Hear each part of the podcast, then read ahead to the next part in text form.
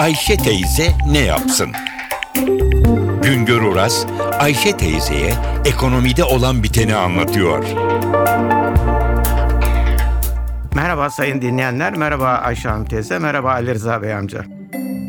Bugün size Türkiye'de ailelerin, hanelerin tüketim harcamaları hakkında bilgi vermeye çalışacağım. Türkiye İstatistik Kurumu'nun hane halkı bütçe anketine göre 2012 yılında zengini ile fakiri ile orta hallisiyle hane başına aylık tüketim harcaması ortalama olarak tekrar ediyorum 2366 lira oldu. Önce bir konuya açıklık getirelim. Hane halkı nedir? Hane halkı aynı konutta veya bir konutun bağımsız bölümünde akraba olsun olmasın bir arada yaşayanlara verilen isim. TÜİK böyle kabul ediyor. TÜİK'in gene belirlemelerine göre Türkiye'de 2012 yılında ortalama hane halkı büyüklüğü 3,7 kişiden oluşuyor. Şimdi e, rakamlara bakalım. Hane halkı başına ortalama olarak tüketim harcaması 2012 yılında aylık 2120 lira iken 2012 yılında 2368 lira olmuş. Yani aylık hane halkı başına ortalama harcamalarda sadece %1,12 oranında bir artış var. Şimdi hane başı tüketim harcaması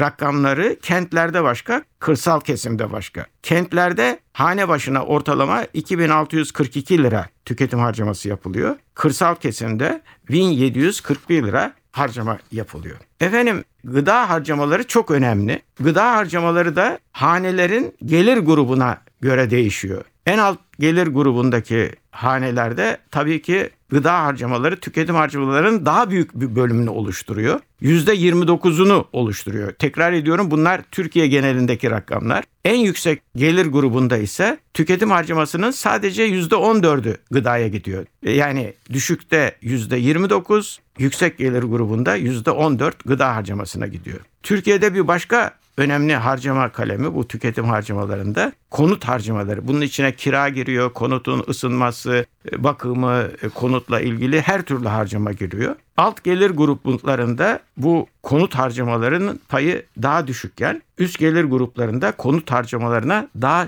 yüksek tüketim harcaması yapılıyor. Tüketim harcamalarında birkaç rakam vereyim size ilginç olarak. 2012 yılında alt gelir grubunda bakınız bir başka önemli harcama kalemi ise bu ulaştırma haberleşme harcamaları. Bu da her 100 liranın 9'u buraya gidiyor. Konut ve kira alt gelir gruplarında önemli. Orada da her 100 liranın 33 lirası oraya gidiyor. Halbuki üst gelir gruplarına gittiğimiz zaman bakıyoruz. Oralarda da tam tersine giyim, ayakkabı gibi şeyler, alkollü içkiler, sigara, tütün gibi harcamalar üst gelir gruplarında daha fazla tüketim harcamasından pay alıyor. Bir başka söyleşi de tekrar birlikte olmak ümidiyle şen ve esen kalınız sayın dinleyenler.